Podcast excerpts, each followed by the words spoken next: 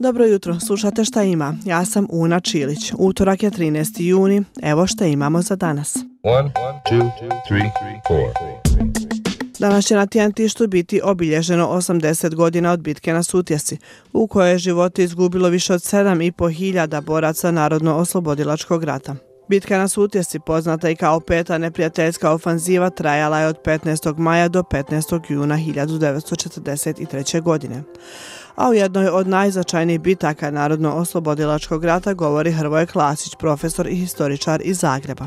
Ono što ja uvijek mladima pokušavam reći, dakle, zamislite si taj entuzijazam i tu hrabrost tih djevojaka i mladića koji imaju 18 godina, 41. godine, koji se odluče suprotstaviti E, E, daleko nadmoćnijem, najvećoj vojnoj sili tada u Evropi. Mislim, koja je to požetvovnost, koja je to idealizam? I sad mi se možemo ne slagati sa idejama za koje su se oni borili, iako te ideje doista E, su bile dobre ideje, dakle nekakve ravnopravnosti, e, zajedništva, bratstva i tako dalje.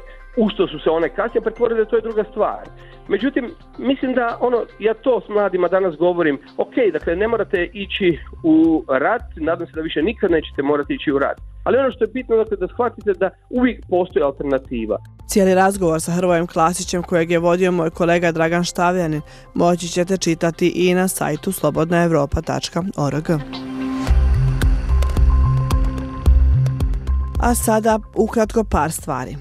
Predsjedavajući predstavničkog doma Parlamentarne skupštine Bosne i Hercegovine Denis Zvizdić zajedno sa članovima delegacije učestvuje na konferenciji o međuvjerskom dijalogu u Marakešu.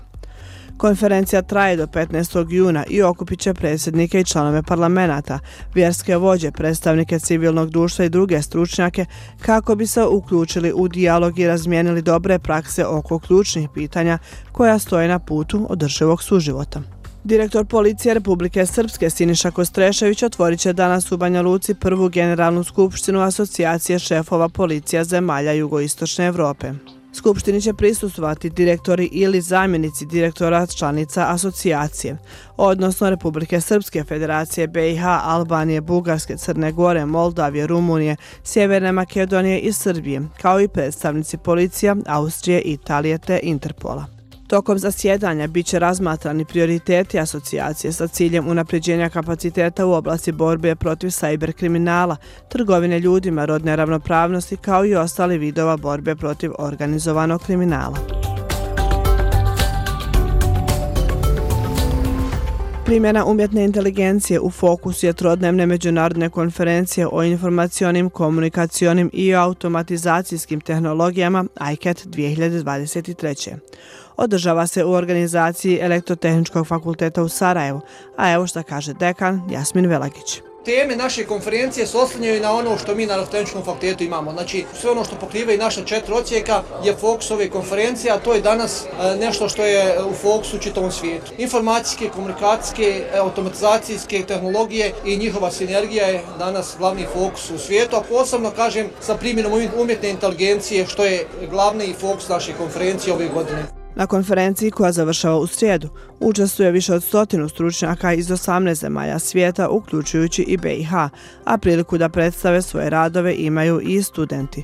Među njima je i Medina Kapo. Smatram da ova konferencija je izvrsna prilika za sve studente i za sve stručnjake koji žele da iznesu svoje naučne radove i da prikažu šta su u radu u proteklih godinu dana. Generalno mislim da nam fali ovakvih konferencija, ovakvih mjesta i smatram da je ovo super prilika, pogotovo za studente, da se opuste i da mogu doći vidjeti kako to rade vrhunski stručnjaci, poslušati određene panel sesije i naučiti nešto novo.